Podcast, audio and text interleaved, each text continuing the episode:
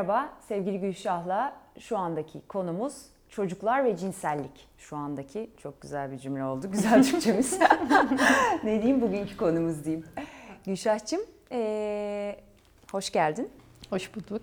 Ee, şimdi bir önceki bölümümüzde cinselliği işledik ne olduğunu. Şimdi çocuklar ve cinsellik dediğimizde gene aslında işin özel çocuklara indiğinden çok önemli ve kıymetli bir konu.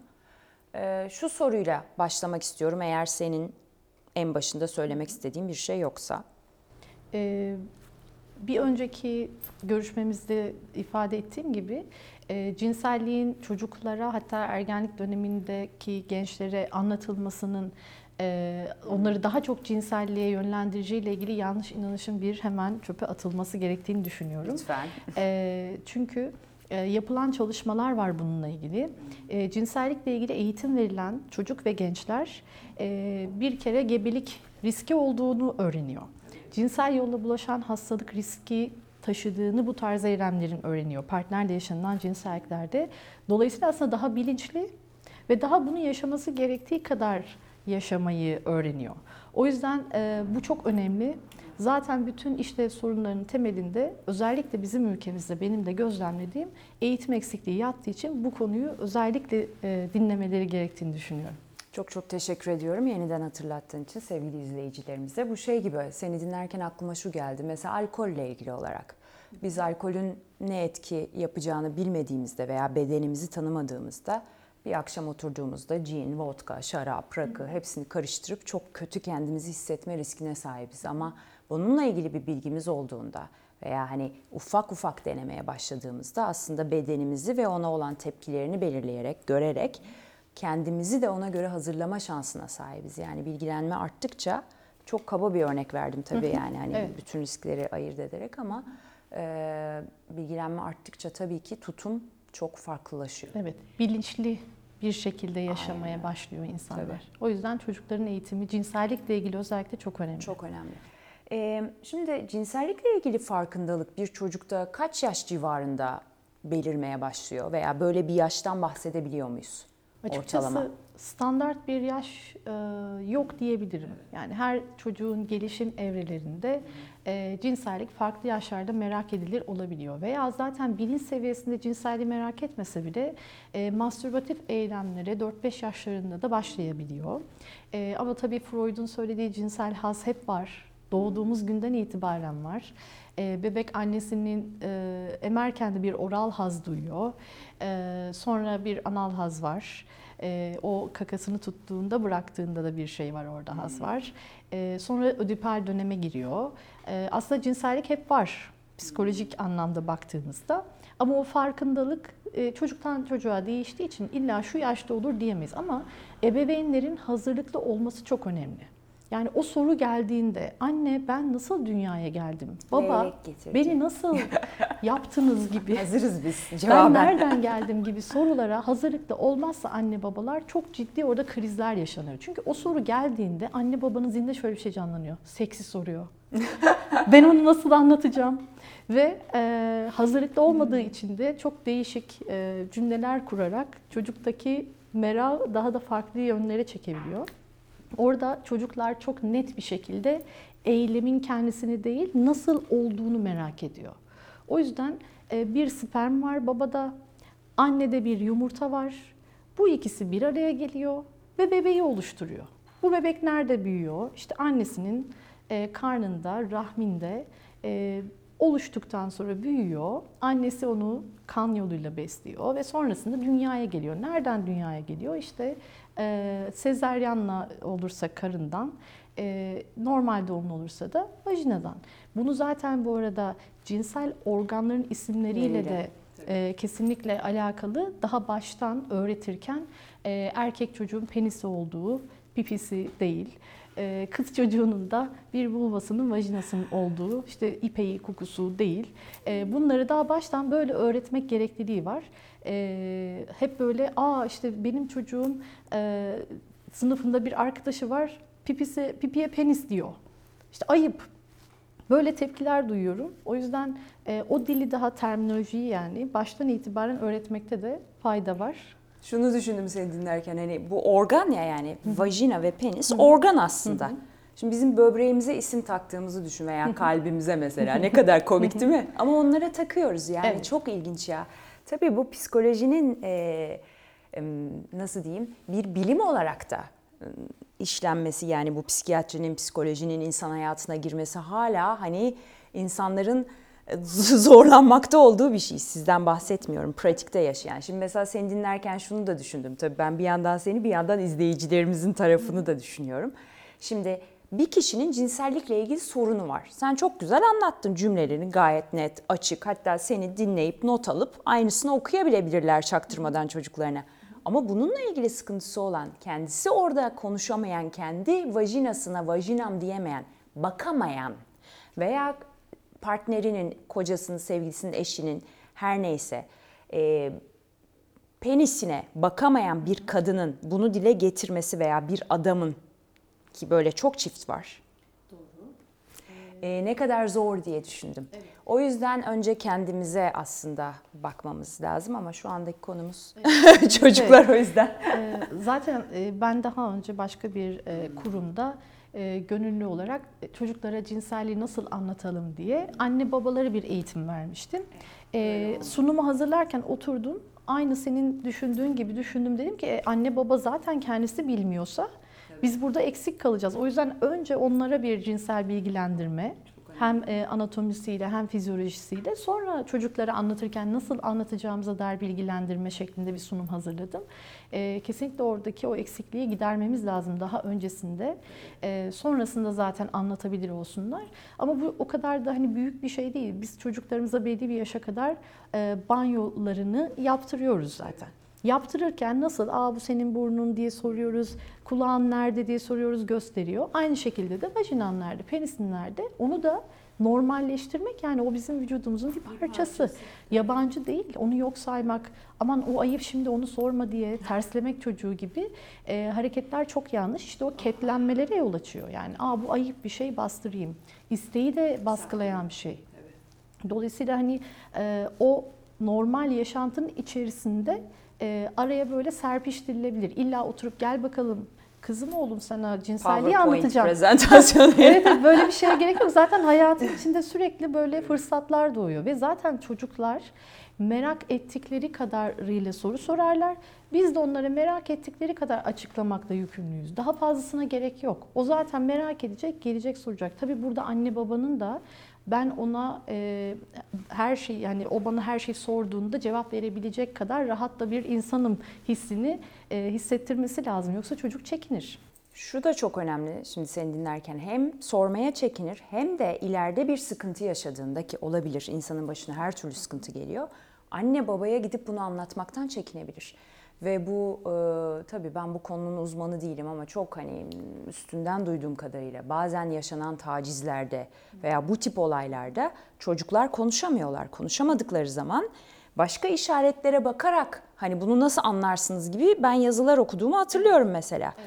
E, halbuki o çocuğun önünü açmak lazım birazcık. Evet çocuk konuşabilir olmalı her şeyi. Anne babasının tersleyeceğini, onu dinlemeyeceğini düşünmemeli. E, o rahatlığı zaten anne baba veriyor. E, ama çocuk eğer zaten konuşabileceği bir ortamda değilse e, ki çocuklar genelde problemlerini, sıkıntılarını çok belli bir yaşa kadar verbal yani sözel olarak değil de daha çok davranış değişiklikleriyle gösterirler. Yani bir çocuk e, tuvalet eğitimini tamamlamış, e, iki yıldır hiç altına kaçırması yok, hiç öyle bir e, problem yaşamamışken yeniden bir başlangıç varsa gece idrar kaçırma, gündüz e, tuvaletini tutamama gibi burada mutlaka acaba bir soru mu var diye bakmak lazım. Benim daha önceki e, deneyimlerimden dinlediğim mesela yazması bozuluyor. Okul başarısı düşmeye başlıyor. Yani çok iyi giden bir çocuk bir yerde aşağıya doğru gitmeye başladıysa, yokuş aşağıya gitmeye başladıysa mutlaka bir sorun sinyal vardır. yani bir bu. sinyal bu. Ee, veya öfke patlamaları yaşayabilir ya da tam tersi sosyal bir çocuk içine kapanabilir. Bunları kollamak lazım. E, zaten bu e, cinsel organları öğretirken ama bu senin vücudunun özel bir bölgesi. Buraya ben de senin iznin olmadan dokunamam. Bunu öğretmek de lazım. Çok. Yani eğitimi verirken e, anatomik eğitim verirken bir taraftan da orada ne doğrudur ne yanlıştırlarla ilgili bilgileri de yavaş yavaş vermekte fayda var. Şimdi bu evliliğe getireceğim lafı. Hani günümüzde tabii çocuk doğurmanın en hani şey ne bileyim bilinen yolu bir evlilik kurumuna girmek. Aslında romantik ilişki olarak başlayan bir şeyin işte evliliğe girilmesi ve çocuğun da olması. Ama biz evlenirken kimse bize çocuğunuz veya çocuğu hamile kalındığında, kadın hamile kaldığında veya evlat edindiğinde aynı cinsten olan çiftler kimse onlara bir ehliyet sormuyor. Yani sen çocuğun olduğunda ne yapacaksın? Onunla cinselliği ne zaman konuşacaksın? Bunun ehliyeti yok. Ehliyeti olmadığı için de aslında e, kişiler çocuk evlat edindiklerinde veya koruyucu aile olduklarında biz bu konuları da planda işledik biliyorsun veya kendileri dünyaya çocuk getirdiklerinde aslında çok bilgisiz bir şekilde başlıyorlar bu işe. 21. yüzyıldayız ama gene de hani bilginin de sonu yok. O yüzden bu bilgiler çok kıymetli diye düşünüyorum ben sevgili izleyicilerimiz. Umarım bunlardan faydalanırlar. Çünkü ben şunu görüyorum. Bence dünyadaki büyük temel problemlerin sebebi mutsuzluk ve sevgisizlik. Ya ben baktığım zaman hani çok öz nedir diye bana sorsalar bence zor bir çocukluk, mutsuzluk ve sevgisizlik derim. Ee, ve hani konuşabilmek, bir sıkıntıyı anlatabilmek, aileden destek görebilmek tabii çocukken çok kıymetli bence. Çok insanı hayata karşı da donanımlı ve güvenli kılan bir şey. Birçok zorluğun da üstesinden gelmesine vesile olan bir şey olduğunu düşünüyorum. Böyle de ahkam kestikten sonra. haz ne demek Gülşah? Haz? Haz, keyif. Ha, keyif. Herhangi bir eylemden, e, yapılan herhangi bir şeyden keyif almak. Biraz keyfin bir üst tıkı var ama galiba değil var. mi? Birazcık ee, daha fizyolojiye de yansıyan bir yanı var galiba. Doğru zaten nörokimyasal da bir orada deşarj var. Ne var? Dopamin deşarjı var. Dopamin haz e, nörotransmitteri ve e, beyinde de ödül merkezi dediğimiz bir e, merkezden o dopamin salgılanıyor. Yani ben çok sevdiğim bir çikolata yediğimde de dopamin salgılanıyor. Orada haz duyuyorum. Evet. E, bir sınavda başarı elde ettiğimde de haz duyuyorum orgazm olunduğunda da haz duyuyoruz. Veya bir işi iyi ee, yaptığımızı hissettiğimizde hakkını verdiğimizde. Aynen öyle. Yani bizde e, hedef aslında neyse o hedefe ulaşıldığında sanki evet bir e, orada haz duygusu var ve dopamin salgılanıyor. E, ama bir taraftan da hani organik olarak da yani yediğimiz içtiğimiz bir şey de haz veriyor veya zaten aslında bağımlılıkların temelinde de bu dopamin hipotezi yatıyor. E, neden? Çok daha yoğun bir aslında dopamin deşarjı oluyor bir uyuşturucu madde kullandığında kişi.